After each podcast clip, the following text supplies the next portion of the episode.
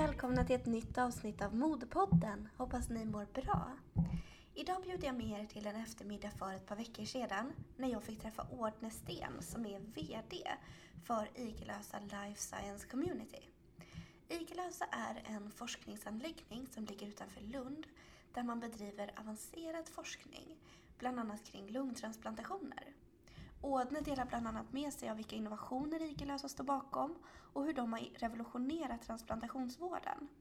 Jag hoppas ni kommer tycka det här är ett roligt och spännande samtal. Jag är i alla fall otroligt glad att Ådne ville ställa upp och prata med mig om deras viktiga forskning. Här kommer intervjun.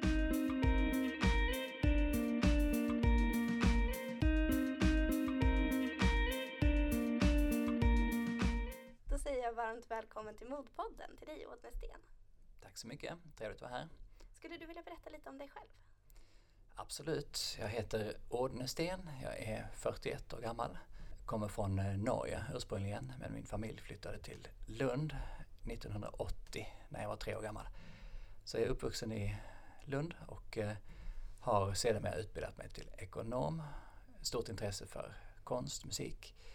Ehm, och sen 2004 så har jag jobbat på Igelösa Life Science jag träffar ju dig här idag för att du är VD för Igelösa Life Science Community. Någonting som vi tycker är otroligt spännande. Skulle du vilja berätta lite mer om Igelösa och vad ni gör? Absolut. Vi har eh, firat faktiskt 20-årsjubileum detta året. Vi grundades 1998 av Stig Sten som är professor i thoraxkirurgi och Nils Gyllenkrok som är landägare nere i Skåne också friherre och de träffades eh, 98 därför att Stig Sten hade blivit professor 97 och fått tillåtelse, tillåtelse från universitetet att etablera en egen forskningsanläggning i privat regi. Eh, därför att de lokalerna som man kunde erbjuda från sjukhuset hade man växt ur den gruppen. Man var redan då väldigt långt framme inom transplantationsforskningen. Sen eh, byggdes det upp en gammal bondgård som omvandlades till en ultramodern operationssal för avancerad kirurgi på, inom transplantation. Och eh, hela gruppen flyttade ut till de här lokalerna då som vi har tillhandahållet till avdelningen för thoraxkirurgi under Stigstens eh, ledning eh, utan kostnader och med syfte att de skulle kunna forska på sig i så högt tempo som möjligt sen 98, så det är 20-årsjubileum detta året. Ska ni fira det på något speciellt sätt? Ja, vi eh, måste ju på något sätt uppmärksamma det på något sätt men det ligger lite grann i vår natur att vi inte gör något överdådigt mm. utan vi kommer att ha, som det ser ut, en liten utökad sommarlunch för personal och eh, nära som, som har hjälpt oss på de här 20 åren. I Sverige så är det inte Eh, så mycket uppmärksamhet men internationellt så är ni väldigt stora. Det har mycket att göra med att vi har aldrig haft någon profil utåt, haft, aldrig haft någon direkt marknadsföring av vår verksamhet. Eh, och det går nog tillbaks mycket på att vi redan sedan starten, fastän vi är ett privat bolag, så valde vi att organisera oss eh, ungefär som den, de klassiska akademierna, ett klassiskt universitet. Det vill säga vår verksamhet ryms inom de klassiska grenarna forskning och utbildning samt sen starten, innovationer eller samverkan som man gärna pratar om på mm. universiteten. Så de tre benen har vi stått på som bolag eller som organisation. Och viktigast förstås har varit att stötta forskningen. Sen är det också så att när man jobbar pionjärt med teknik som inte har funnits tidigare kanske när man är först så har vi funnit att det har varit väldigt viktigt att utbilda eh, kollegor och andra delar av samhället för att få inpass på tekniken så att man för den i mål och gör den tillgänglig för patienterna. För det är faktiskt det viktigaste för oss, att det kommer ut till patienter till syvende och sist. Mm. Skulle du vilja berätta lite om hur eh, visionen för Igelösa ser ut? Ja, det gör jag gärna och den har väl ändrats eh, delvis lite grann men vi har alltid haft som yttersta mål att verka för patienternas bästa. Det är det som genomsyrar vår organisation och många har nämnt som kommer och besöker oss att, att man tycker att det finns någon speciell stämning och det tillskriver vi gärna vårt fokus på patienten. Även om man kan tillägga att, att det är många som kanske inte kommer direkt i kontakt med patienterna som jobbar hos oss. Men så försöker vi uppifrån och neråt få det att genomsyra varför vi kommer till jobbet och jobbar som vi gör. Eh, så vår vision är väl att eh, uppbringa någon form av hopp för svårt sjuka eh, patienter, primärt de som väntar på transplantationer. Mm. Och då är det inom hjärt och lungtransplantation primärt eftersom vi är en del av thoraxkirurgin. Precis. Och du berättade att i år så var det 20 år sedan Igelösa startades. Är det någonting speciellt som har hänt under de här 20 åren som är extra speciellt? Går det att lyfta fram några milstolpar? Det är, en jättebra fråga också. 20 år är lång tid. Mm. Eh, så det är klart att vi har haft några genombrott. Vi har ju varit med och utvecklat en metod som idag är känd inom thoraxfältet som kallas för ex vivo lung perfusion på engelska EVLP. Och den eh, består kortfattat i att vi har de utvecklat en metod för att bättre tillvarata, i detta fallet lungor, ex vivo på latin betyder utanför kroppen, mm. i en längre tid än vad som tidigare var möjligt. Lungorna tar eh, ofta mycket skada eh, vid, vid transport och man har sagt att man klarar kanske mellan 4 till 6 timmar utanför kroppen med den gamla tekniken och det är rätt kort tid mm. man ska transpo- eh, transportera dem. Och eh, så mycket som 80 procent brukar man säga av lungorna som man erbjuds bedöms vara i dåligt skick eller skadade så att man tackar nej till ungefär 80 procent av de relativt få lungor som erbjuds idag. Och den metoden som vi då utvecklade i början på 2000-talet eller egentligen slutet av 90-talet men genomförde den första transplantationen år 2000 i Lund. Eh, den har då lagt till grund och spridit sig eh, till väldigt många av de internationella lungtransplantationsklinikerna i världen. Och eh, de allra flesta av dem har varit på besök också hos oss på Igelösa. Vad häftigt. Det är vi jätteglada för. Det är en av de stora belöningarna att jobba på den här gamla gården då, ja. som, att, att vi får besök från, från i stort sett hela världen. Och om vi pratar om Igelösa som, ehm, som byggnad lite. Hur är Igelösa uppbyggt och vilka är det som, som jobbar där? Ja, vi är ingen stor organisation men eh, vi har vi är nio privatanställda och alla som jobbar privat har mer eller mindre som funktion att understödja forskargruppen som då kommer från Lunds universitet och sjukhuset i Lund, eh, Skånes universitetssjukhus i Lund. Um, så vi är, kommer från lite olika håll och kanter och det är också i sig en ganska härlig mix.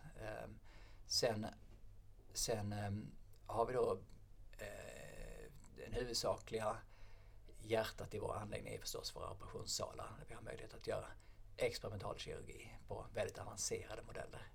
De är oftast igång dygnet runt och vi har möjlighet att göra väldigt avancerade modeller där. Och det är, har tilldragit sig då intresse från många forskargrupper runt omkring i världen.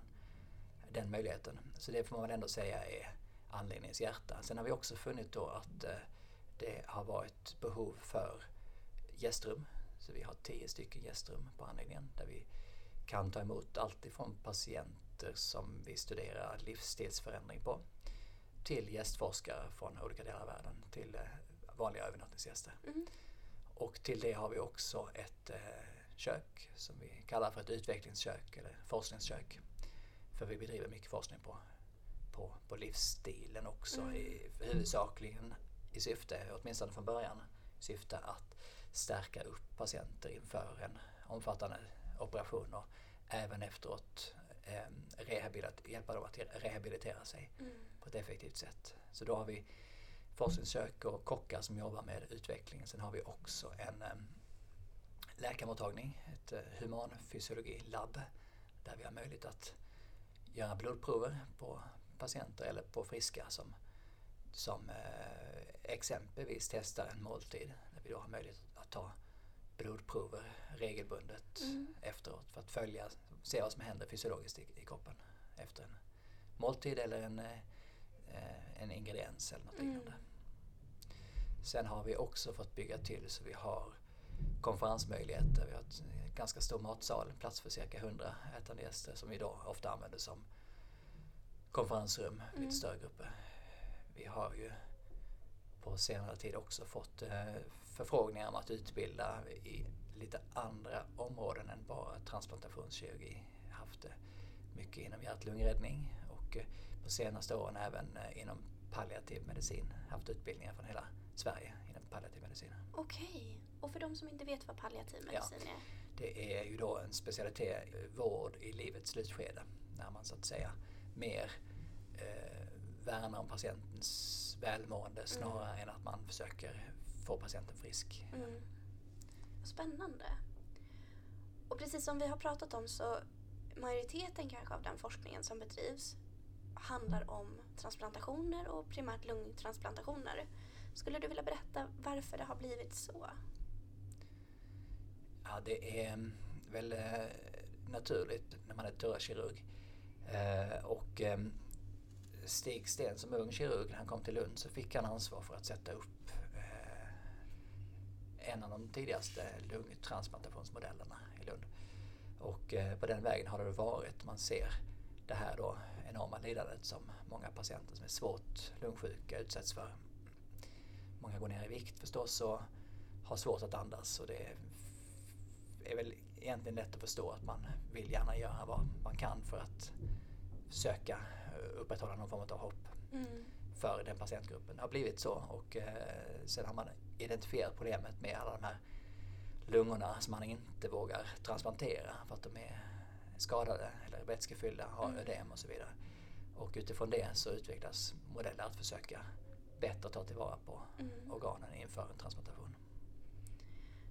Hur ser forskningen ut när det kommer till andra organ än lungor? Går det att använda samma metoder för att tillvarata lungor på andra organ också? Um, vi har ju jobbat sedan egentligen 20 år tillbaka också med en hjärtpreserveringsmodell som vi alldeles förra året, 2017, publicerade, eller jag tror kanske det var 2016 publicerade ett, eh, ett um, stort arbete på en metod för att ta tillvara på hjärtan vid transport, alltså preservering som vi mm. säger, tillvaratagande, i längre tid än de här fyra kanske timmarna som man har idag. Och där vi då har visat i experimentella modeller att vi, vi kan klara upp till 24 timmar eller kanske ännu längre med vad vi, vad vi benämner icke-kemisk, det vill säga säker preservering av hjärtan. Det, det är en metod som vi tror kommer få väldigt stort genomslag man kan börja transportera hjärtan längre avstånd. Ja, jag läste en artikel att man i Australien var väldigt glad över det, som har lite längre avstånd än vi Just har i det, Sverige. Absolut. Även i, ett, eh, i en stad som London till exempel, idag, lite beroende på vad klockan är, om man, om man bedömer att det är rusningstrafik eller om det är mer fritt fram så kan man välja att åka på ett larm eh, eller inte mm. för att man är rädd för att man inte kommer genom trafiken på den korta tiden som man har. Så det är klart att det kan förändra väldigt mycket. Ja. Även på organmatchningsmöjligheterna mm. förstås. Och eh, ja, att, att transportera ett potentiellt livräddande hjärta är förenat med väldigt hög stress. Ja. Det är väldigt spännande. När kan man tänka sig att, att det här kommer ut till så att det når alla sjukhus? Det är en väldigt lång process man ska igenom då tyvärr men vi är på god väg kan jag säga. Först måste man ju då eh, förutom grundforskningen som vi har gjort och upptäckt nya möjligheter och där är det vanligt att man förstås går eh, åt fel riktning och det är väldigt viktigt att man, att man inom forskningen, det, ibland har, jag har hört beskrivet för mig som att man ibland eh, befinner sig i ett, känslan är att man befinner sig i ett mörkt rum och mm. man tar ett steg i någon riktning och sen måste man utvärdera om man gick man framåt eller bakåt och det kan vara svårt när rummet är mörkt. Men mm. Det är väldigt eh, mycket sökande inom grundforskningen. Men sen när man väl har kommit igenom det och, och hittat någonting man tror på så ska det ju till mycket hjälp med teknik inom det här fältet som vi jobbar med nu. Eh, man får bygga prototyper och testa koncepten, se om de verkar fungera men då är man fortfarande ganska långt ifrån att nå patienterna för sen så ska man bygga mer säkra produkter och då har vi valt att samarbeta med industrin som bygger eh, enligt konstens alla regler och tar ansvar för att allting fungerar som det ska. Mm. Sen ska man då genomföra kliniska studier och där är vi, gällande vår hjärtpreserveringsmodell, är vi idag. Har genomfört den första hjärttransplantationen av sex, pla sex planerade. Eh, som vi ska utvärdera och se om det fungerar. Det tycks, det ser väldigt bra ut så långt och eh, därefter så ska vi överlåta åt kommersiella företag att presentera då helt säkra mm. lösningar som, som alltid beter sig på samma sätt och som man kan förvänta sig är, är säkra då för patienterna. Så att det är en liten bit kvar men vi är på god väg. Ja, men det låter bra. Skulle du kunna berätta lite om Sten Solution och vad det är för någonting? Sten Solution är en patenterad vätskelösning som eh, är så att säga eh, den viktigaste komponenten i ex vivo lung perfusion, EVLP-tekniken, som syftar då till att tillvarata lungorna utanför kroppen och det ger ju då möjlighet bättre, bättre preservering kan man säga på sätt och vis. Men framför allt eh, ger den möjlighet att evaluera eller kapacitetstesta lungorna utanför kroppen eh, på ett mer objektivt sätt. Att man testar, man kan skicka in eh, och mäta syreupptaget och funktionen helt enkelt mm. i en kontrollerad miljö. Eh, metoden ger också möjlighet att faktiskt rekonditionera skadade lungor, särskilt lungor som är skadade med ödem. Man kan så att säga dra ut vätskeansamlingar genom att cirkulera Sten Solution genom lungorna. Så kan man återskapa dess funktion och så att säga torka upp dem, eller lite mm. slarvigt uttryckt, man kan säga lungtvätt, man kan tvätta dem rena igen. Um, och det är då en metod som det forskas väldigt intensivt på uh, i världen. Mm. Och uh, vi följer med väldigt stort intresse två väldigt spännande forskningsprojekt i USA där man med vår metod i botten har testat helt andra indikationer. Och um, det vill säga när man då för första gången gör det möjligt att hålla lungorna i gott skick utanför kroppen frikopplat från en patient innan man då mm. transplanterar dem. Vilket var den indikationen som vi utvecklade metoden för. Så har man i USA testat två nya indikationer och eh, de är ganska lätta att förstå om man förklarar dem. Det ena rör lungcancer där cancern inte har spridit sig ut, utanför lungorna. Där man då på försöksstadiet eh, tänker sig att man opererar ut lungorna, isolerar dem och sen strålar med väldigt hög, så att säga dödlig dos strålning på lungorna, försöker stråla bort cancern för att därefter retransplantera samma organ tillbaka till patienten som då hålls på, på, på hjärt-lung eh, med maskin så att säga under tiden nedsövd. Och den andra indikationen snarlik det är i fallet lunginfektion när man tänker sig att man opererar ut lungorna, håller patienten sövd under tiden och eh, sköljer igenom lungorna med eh, antibiotika som kan göra dig blind eller döv eller mm. rent ut sagt kan döda dig. Det är så stark och så att säga eh, tvättar lungorna eller gör dem rena igen och sen retransplanterar dem. Det är indikationer som är lite science fiction och som vi hoppas kan komma i framtiden men som är väldigt inspirerande för oss allihopa som jobbar med forskning eller nära den. Verkligen. Det var ju superhäftigt att höra. Och visst är det så också att när man använder Sten Solutions så minskar det också risken för avstötning? Det finns absolut indikationer på det. Det hoppas vi. Det skulle vara en tydlig indikation på att man i så fall skulle kunna standardisera metoden inför varje lungtransplantation. Idag sker bara Sten Solution-metoden eller EVLP-metoden på vad vi kallar för marginella lungor, det vill säga lungor som man initialt tackar nej till. Mm. Som vi då försöker tvätta rena igen eller återskapa funktionen på och sen utvärdera funktionen och därefter ta ett objektivt beslut om man kan transplantera dem eller inte. Vilket vi har sett med, med, med väldigt positiva eh, indikationer på. Men det är helt rätt att um, att det finns, eh, förefaller vara så att en del skadliga celler eh, tycks migrera eller samlas på något sätt i lungorna eh, så att lungorna blir någon reservoar för skadliga celler. Eh, Non-classical monocytes heter de, eller mm. lite slarvigt killer cells mm. kan man kalla dem för. Som när man tra transplanterar in dem i en mottagare signalerar främmande kropp eller skadlig kropp vilket då gör att eh, kroppen går till attack och försöker stöta bort organet. Med tekniken som vi forskar på just nu tillsammans med flera andra internationella center, bland annat Manchester University, väldigt ledande immunologer från Manchester. Ehm, så har vi sett indikationer på att med EVLP-tekniken så är det möjligt att man kan tvätta bort de här skadliga cellerna från lungorna innan man transplanterar dem. Det skulle kunna vara en indikation på att man kan minska avstötningsproblematiken på försöksstadiet så jag vågar mm. inte säga för mycket men det är väldigt spännande eh, forskning som sker där. Verkligen. Och du berättade att man använder egentligen bara det här på, på de marginella lungorna. Så, men då, det är ju så, förlåt, det är ju så att eh, av de lungorna som erbjuds idag så tackar man nej till 80 procent.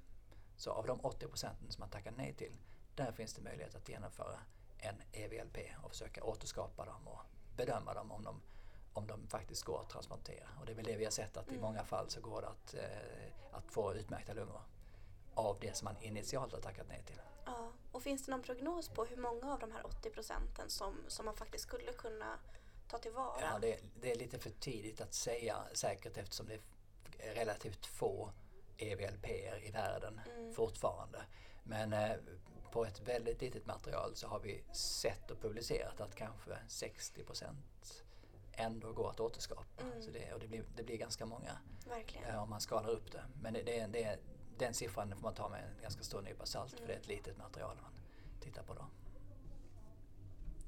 Och för att kunna använda Sten Solution så finns det också en maskin. Hur fungerar den och skulle du vilja berätta lite mer om den? Ja, maskinsystemen som finns eh, är till för att förenkla för det kirurgiska teamet att genomföra proceduren. Och eh, det är, man behöver möjlighet att kunna värma och kyla organen och cirkulera vätskelösningar runt omkring det. Det behöver vara i steril miljö. Och så behöver man då kunna styra ibland eh, tryck och, och andra parametrar. Så det maskinella systemet är byggt för att förenkla processen som dock är möjligt att göra med manuellt också. Men, men eh, det har vi sett ett eh, stort behov av att förenkla processen också. I synnerhet det som är nytt och pionjärt. Det, man behöver göra det enkelt mm. för handhavandet så enkelt som möjligt. Går det att säga någonting om vilka sjukhus i Sverige till exempel där, där den här tekniken finns? Eh, lungtransplantation liksom eh, eh, flera andra högspecialiserade eh, procedurer är då rikssjukvård. Lungtransplantationer genomförs idag enbart i Lund och Göteborg. Så att eh, i hela världen finns ett begränsat antal transplantations kliniker. När det gäller lungorna tror jag att det kan vara 350, kanske max 400 center i världen som genomför eh, tekniken. Så det är en ganska lättarbetad, så tillvida lättarbetad marknad mm. eh, utifrån ett innovationsperspektiv att nå. För det finns eh, ett ändligt antal kliniker att bearbeta och som jag sa tidigare så har eh, merparten av de stora klinikerna redan varit på Igelösa och sett tekniken och, och eh, utbildats i tekniken också. Precis. Jag tror vi har genomfört i alla fall en 60, 70, kanske 80 utbildningar sen, sen eh, för internationella kliniker mm. sen vi eh, först introducerade metoden 2000. Och sen när man är inne och tittar på er hemsida så finns det också något som heter Lukas. Vill du berätta vad, vad det är? Lukas är en, eh, egentligen en akronym för eh, Lund University Cardiopulmonary Assist System. Man kan säga Lunds universitets hjärt-lungräddningssystem som ehm, eh, utvecklades eh, baserat på några en del oväntade fynd som eh, Stig Stens forskargrupp gjorde i samband med att man studerade akut hjärtstillestånd. Och det finns en omedelbar koppling till, eh, till lungtransplantationsfältet faktiskt där eftersom man på den tiden, det var slutet av 90-talet, eh, gärna eh, ville förstå mer om hjärtdöda donatorer. Och, och eh, den vanligaste gruppen är är ju vid akut hjärtstillestånd. Så att gruppen började studera vad som händer vid akut hjärtstillestånd och förvånades en aning när man då kunde se och påvisa att cirkulationen i kroppen fortgår några minuter efter hjärtstilleståndet och eh, så att säga gradvis fyller upp hjärtat med blod i ena kammaren. Ehm, på en 5-6 minuter så blir hjärtat eh, fyllt med blod. Det blir som en, man kan säga som en vattenfylld ballong. Och i det tillståndet så har det då visat sig vara väldigt svårt att använda en defibrillator, att elektriskt chocka igång hjärtat, ehm, därför att det inte är flexibelt. Medan man då, om man kunde pumpa ut blodet eh, på ett effektivt sätt, eh, så gick det igång oftare med defibrillatorn. Mm. Och eh, då uppmärksammar man helt enkelt ett behov av att eh, bättre, alltså bättre eh, utveckla metoder för bättre och mer effektiv hjärtkompression. Och således så inledde man ett utvecklingsarbete med en mekanisk hjärtmassageapparat som då sedermera kom att kallas för Lukas mm. och som har spridits eh, över hela världen. Det har blivit en, en stor medicinteknisk framgång faktiskt från Lund också. Eh, det finns idag i över 25 000 exemplar över hela världen och vad jag hörde så pågår det en Lukas-behandling någonstans i världen varje minut och en halv. Det är fantastiskt. Så det är väldigt trevligt ja. Och det är en, en eh, framgångssaga ah. för, för, eh, för Stigs grupp och Lunds universitet och även svensk medicinteknik. Verkligen. Och då kan man tänka sig att det finns en Lukas i en ambulans till exempel? Eh, samtliga ambulanser i, Region Skåne ja. utrustades, utrustades redan 2005 mm. med Lukas och lyckades då höja överlevnadsstatistiken till tvåsiffrigt på, på rätt så kort tid. Men, men så Lukas har, har spridits till First Responders, man säger på engelska. Det kan vara ambulans naturligtvis. Det finns många eh, inom brandkåren som har den, de som är först på olyck, olycksplatsen så att säga. Så det, det, är en spännande utveckling och där har vi också haft väldigt mycket utbildningar på Igelösa genom årens lopp. Verkligen, det är jättehäftigt. Och om vi går tillbaka, om vi lämnar de här innovationerna och går tillbaka till och tittar lite hur det ser ut på Igelösa. Kan inte du berätta lite hur processen ser ut på en forskningsanläggning? Hur ser det ut från idé till att en innovation finns tillgänglig på sjukhusen till exempel för alla patienter? Ja, det är nästan ett 20-årigt förfarande. Ja. Det, det, det, man brukar säga ungefär 15 år i branschen och ett par hundra miljoner får man mm. avsätta för, för en innovation. Och då är det ändå väldigt många som misslyckas eh, att nå hela vägen fram förstås. Men äh, det är en lång process eh, tyvärr. Jag skulle önska att det kunde gå snabbare många gånger. Men det är eh, äh, alltifrån en grundidé man testar. Äh, man testar den äh, prekliniskt som vi säger då, experimentella studier. Och ehm, sen måste man då koppla på oftast olika kompetensgrupper. Det är en, en sak som kanske utmärker Igelösa lite grann är att vi har haft möjlighet då i flera år att, att jobba direkt med ingenjörer eh, som egentligen jobbar samma rum som kirurgerna många gånger och eh, direkt ser vilket biologiskt problem de förväntas lösa med teknikens hjälp. Sen har tekniken utvecklats något helt enormt de mm. senaste, bara de senaste tio åren. Kanske viktigast av allt, om man får välja en sak eller lyfta fram en sak, är väl tillgången till 3D-skrivare som eh, totalt har revolutionerat möjligheten för mindre bolag att få fram prototyper som då förenklar eh, tiden och kostnaden, eh, tar ner kostnaden rejält för att eh, utveckla prototyper som man sen kan testa vidare, som underlättar i, i innovationsarbetet. Så det har varit väldigt, eh, väldigt eh, avgörande så att säga. Eh, mycket, det finns väldigt mycket positiv dynamik i att samverka, blanda läkare med, med ingenjörer exempelvis, och, eller som vi gör också med kockar, läkare och mm. kockar. Man, att man nyttjar varandras kompetens men jobbar väldigt nära varandra. Det ska jag säga är en, en stor viktig del i, i, i eh, eh, framgångsrikt innovationsarbete. Att man nyttjar varandras kompetens och korsbefruktar dem och vågar tänka lite tvärvetenskapligt. Och, mm. Ja, verkligen eh, få förståelse för det. Sen måste man också naturligtvis ha ett nära samarbete med de industriella partnersen som förväntas eh, bygga en färdig produkt som ska tas till marknaden. Man måste ha förståelse för marknaden och ha stor respekt för de som jobbar på marknaden och förstår vad de vill ha, vad som, mm. vad, vad som efterfrågas. Sen tror jag rent allmänt när det gäller innovation, det finns ett underbart citat från Henry Ford som en gång sa att om jag, om jag skulle fråga mina kunder vad de önskar sig mest av allt så skulle de säga en snabbare häst.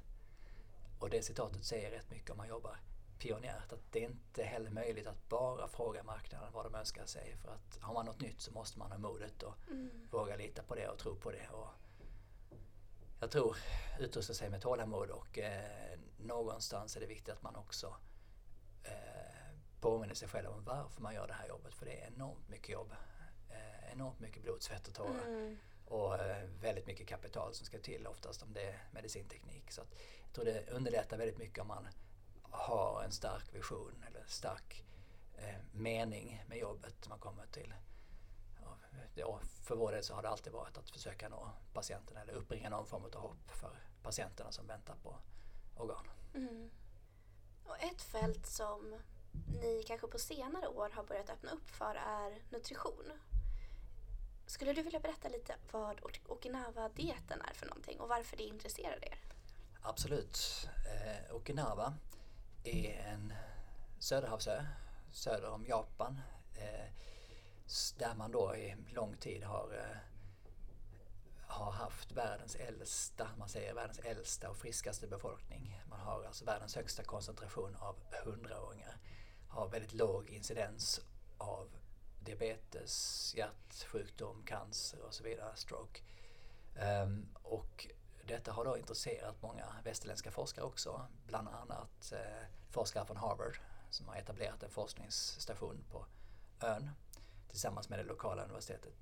Um, och som redan 1975 inledde en väldigt eh, omfattande livsstilsstudie där man i stort sett har kartlagt varje hundraåring och de är över 900 nu eh, som man har följt på djupet. Och därigenom har han beskrivit och tillskrivit livsstilen en väldigt stor roll för hälsan. Ehm, och ska man då summera livsstilen så kan man säga att den vilar på fyra grundpelare. Där förstås nutritionen eller maten eller dieten är en väldigt viktig del. Men eh, även naturlig motion i form av promenader eller att man jobbar i trädgården, fiskar, rör på sig allmänt, går runt till varandra på ön är av väldigt stor vikt, naturlig motion. Eh, och sedan har man eh, väldigt väl utbyggda sociala nätverk. Så det beskrivs som ytterst viktigt. Man har dem, man känner varandra på ön och man hjälper varandra emotionellt och finansiellt ibland vid behov. Och om någon får en dålig skörd så får man hjälpas åt i byn. Och sen den fjärde punkten som då också är, karaktäriserar de här äldre, det är att man då har sett och uppfattat någon väldigt positiv livsåskådning eller positiv attityd till livet eh, som då också stärker dem i, i humöret och sinnet och livsglädjen. Så de fyra punkterna har då beskrivits vetenskapligt som värdefulla. Vi var väldigt intresserade av kosthållet som generellt kan beskrivas som eh, innehållande väldigt eh, mycket näring men få kalorier. Och det uppnår man genom att det är mycket huvudsakligen baserat på vegetabilier. Grönsaker, frukter och rotfrukter och alla möjliga hela intakta korn, grains, ris och så vidare. Um, så ett, ett, ett, ett, eh, ett mestadels växtbaserat kosthåll. Och sen har man lite då inslag av fågel, en hel del fisk eh, förstås eftersom det är en ö. Och ehm, eh, lite kött också. Eh, grisar finns det på, på ön men man, man, man använder inte mycket av det utan det är lite grann. Eh, det har alltså beskrivits väldigt väl vetenskapligt och eh, vi var intresserade av kosthållet eh, eh, eftersom det var så pass väl dokumenterat och eh, började då själva att adaptera eh, och följa recepten från Okinawa i vårt utvecklingskök på Iglösa för mer än tio år sedan. Och följde egentligen recepten till punkt och pricka samtidigt som vi då också kunde göra vissa tester på eh, patienter och på, på friska frivilliga försökspersoner. Och fann väl egentligen då att, att, att det verkar, eh, man verkar kunna uppnå fantastiska resultat på kort tid. Det enda, det kanske viktigaste vi fann där och då var att eh, efter två veckor ungefär så sa man, de flesta som var med i studien, att nej nu vill vi inte äta mer tofu. Eller nu vill vi inte ha mer sjögräs. Då var man trött på det som var så obekant. Mm. Och det var en väldigt viktig insikt för oss naturligtvis. Så då runt 2006-2007 inleddes ett slags originalarbete för oss i vårt utvecklingskök där våra kockar började tillaga mat som var helt och hållet baserat på de här principerna som är välbeskrivna. Men där man bytte ut de japanska råvarorna med nordiska igenkännbara ingredienser. Och började också utveckla klassiska svenska måltider som köttbullar till exempel med, med eh, grönsaker eller med rotmos eller något motsvarande. Eller kålpudding som man då hade gjort om och bytt ut vissa av ingredienserna mot, mot det som vi ville ha med i som, som så att säga ekvivalenter till Okinawa-kosthållet. Sedan så har vi då eh, haft möjlighet att tillsammans med eh, forskare vid Lunds universitet, framförallt professor Bodil Olsson, eh, genomfört kliniska studier på patientgrupp som då valdes ut eh, och identifierades som intressanta för oss. Så det var framförallt patienter med diabetes typ 2 som vi har genomfört kliniska koststudier på med, med egentligen förvånansvärt positiva resultat. Um, där vi visar att man faktiskt kan uh, minska sin medicinering, uh, blodtrycket kan gå ner, man minskar vikt och så vidare. En lång rad parametrar att man förbättrar enbart med hjälp av att man äter annorlunda. Så i de här studierna blir man till och med ombedd att inte börja motionera eller röra på sig mm. mer än, än normalt. Så vi testar bara vad maten har för betydelse. Och det är väldigt hoppfullt att man, att man de som vill och orkar och är motiverade att justera sin kost och då har det varit väldigt viktigt för oss att man ändå ska kunna äta till exempel en hamburgare om man nu gillar det. Men, men innehållet är lite grann modifierat. 100% naturlig mat men lite grann modifierat. Vi har dragit ner exempelvis på kötthalten lite grann och, och istället då fyllt eh, eh kött, eh, alltså fyllt, eh, dragit ner på köttet och eh, ersatt det med hela intakta korn eller vegetabiliska proteiner och så vidare. Så mm. Helt naturlig mat men lite annorlunda. Um, och det är vi väldigt glada för att vi har kommit så pass långt med. Ja, och jag tänker tillbaka lite på precis efter att jag transplanterades och på sjukhuset och efter. Och så här, vi har, jag har ju aldrig egentligen varit i kontakt med någon eh, dietist. Men den maten på sjukhuset är ju, eh, som många vet, eh, ganska tråkig. Eh, speciellt när man är nyopererad, kanske näringsfattig till och med. Hur, ska, hur tror du man ska komma till rätta med den mat som man ger till patienter efter en transplantation för att kunna återhämta sig och kanske innan? Eh, och hur, viktigt är, hur viktig är kosten egentligen för en person i, eh, i, i, behov av ett organ eller precis har fått ett organ? Alltså till att börja med så är det en väldigt komplex eh, situation när man är svårt sjuk. Det ska man ha stor respekt för. Det är, man påverkar, aptiten påverkas av mycket medicin och sånt. Så det är, det är naturligtvis en, en, en mycket komplicerad situation. Eh, där man måste ha respekt också för eh, dietisterna och deras kunnande eh, utan tvekan. Men jag tror ändå att det finns väldigt stor eh, förbättringspotential i vårt samhälle, på våra sjukhus, eh, om man kan lyfta kunskapen om kostens betydelse, som ju naturligtvis är jätteviktig. Och jag tror att man kan eh, optimera eh, jättemycket i framtiden och man kan ha bättre samspel. Det handlar återigen, tycker jag, om respekten för olika kompetenser och eh, att få det att spela tillsammans det skulle man önska mycket för att ett, ett land som Sverige upplever jag är, det är väldigt många kunniga människor men man måste få dem att samspela och ha förståelse för varandras ehm, eh, funktioner. Sen när det gäller just transplanterade så, så ehm, pendlar ju problematiken alltid från undervikt till övervikt så det är ett jättekomplicerat område men utan tvekan behöver man ha bättre verktyg. Även vårdpersonal måste ha bättre verktyg Eh, och trovärdiga verktyg också som inte kanske är så spektakulära i sin uppbyggnad men, men som, som, är, som gör eh, alltså bra mat som, som är näringsrik och som ger det man kroppen behöver mm. är otroligt viktigt förstås. Skulle du kunna berätta vad som händer på Igelösa just nu? Ja, eh, vi har eh, väldigt mycket fokus på vår kliniska studie vad gäller hjärtpreservering. Vi går ehm, mestadels med ett larm, de nyckelpersonerna som är involverade och när larmet går så, så inleds en ganska lång kedja av händelser där många olika delar av samhället är involverade, bland annat förstås Lunds sjukhus och operationsteamet där. Vi, vi får också brandkår som kommer ut till Igelösa och hämtar upp vår hjärtpreservationsprototyp mm. som står i beredskap och sen transporteras den. Vi har faktiskt nyligen också fått tillstånd att flyga med lådan. Så vi kan flyga och hämta organ, vilket vi är glada för, den möjligheten. Så det är väldigt mycket fokus på att genomföra den kliniska studien eh, och verkligen testa systemet fullt ut.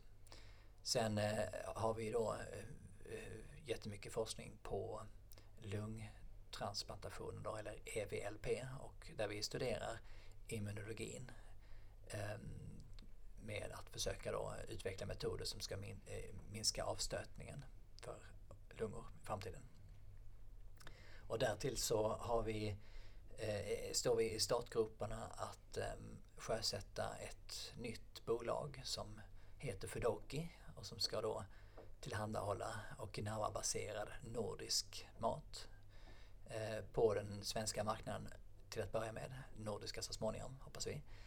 Och eh, de behöver en hel del eh, hjälp och stöd eh, i kunskapsutvecklingen där och vi planerar också för en, ytterligare en klinisk koststudie. Så det är full fart på Igelösa. Eh, många projekt på gång. Mm. Och om du fick drömma, hur ser utvecklingen ut om ungefär 20 år? 20 år, det var lång tid igen. Det är jättelång tid. Ja, men det är en spännande fråga tycker jag. Jag eh, hoppas och tror och kommer verka för att Igelösa förblir ett viktigt centrum för transplantationsforskningen. Eh, som någonstans är där vi började och där vi har vårt stora hjärta. Eh, och vi ser utvecklingen redan nu att, att många, både yngre och, och mer erfarna forskare kommer med förfrågningar om de kan få bedriva sin forskning hos oss och nyttja vår eh, expertis eh, med eh, olika protokoll som de vill testa och som de gärna vill samverka kring. Så jag, jag är själv av uppfattningen att framgången ligger i samverkan, att samarbeta med andra forskargrupper och, och eh, hjälpas åt att utveckla hela fältet därigenom. Jag tror att vi har en viktig roll att fylla i att vi har väldigt bra kompetens i vår personal, kan väldigt mycket om allt ifrån det biologiska till, till tekniken. Eh, och där tror jag att vi kan bli ett viktigt centrum, hoppas kunna bli ett viktigt centrum för många forskargrupper, inklusive vår egen förstås. Och målet är att vi ska kunna forska på så länge som man är intresserad att göra det. Det är det mm. absoluta målet. Att, att den här gruppen som är kring Stigsten och, och eh, som har grundat Igelösa har tagit det upp dit där det finns nu, att de ska få lov att forska på så länge de önskar. Mm. Eh, och det viktigaste för det, väldigt tråkigt svar naturligtvis, men det viktigaste för det är att det finns finansiering. Så det är stort fokus på att finansiera verksamheten. Ehm, det är ständigt pågående kamp naturligtvis. Ehm, men eh, och då gäller det att man har några olika ben man står på så att man kan knuffa det vidare framåt eh, metodiskt och, och säkert. Mm. Vem skulle du vilja lyssna på i ett kommande avsnitt av Modpodden? Ja, givet det stora fokuset vi haft på kost trots allt och givet alla utmaningarna som det finns med att rikta ett erbjudande till de som kan tänkas vara intresserade av det och med allt, alla utmaningar som det innebär. Eh, man får ju inte lov att vända sig till patienter med mat. Exempelvis så skulle jag ändå tycka det var väldigt spännande att höra Ann-Charlotte Holmlöv som är VD för Fudoki sitter här i Stockholm och lyssnar lite grann på hur hon ser på utmaningarna mm. Eh, att förvalta eh, stora delar av den kunskapen som vi har tagit fram eh, ganska mycket med tanke på transplanterade och, och, och, och hjärtsjuka och, patienter överlag men, mm. men också naturligtvis friska. För det är bra mat för alla egentligen. Höra hur hon tänker sig framtiden. Mm. Det, det, det, skulle vara spännande tycker jag. Ja, men ett jättebra tips. Då säger jag tack så jättemycket till dig Ordne för att du kom och gästade Modpodden. Tack själv. Tack så mycket.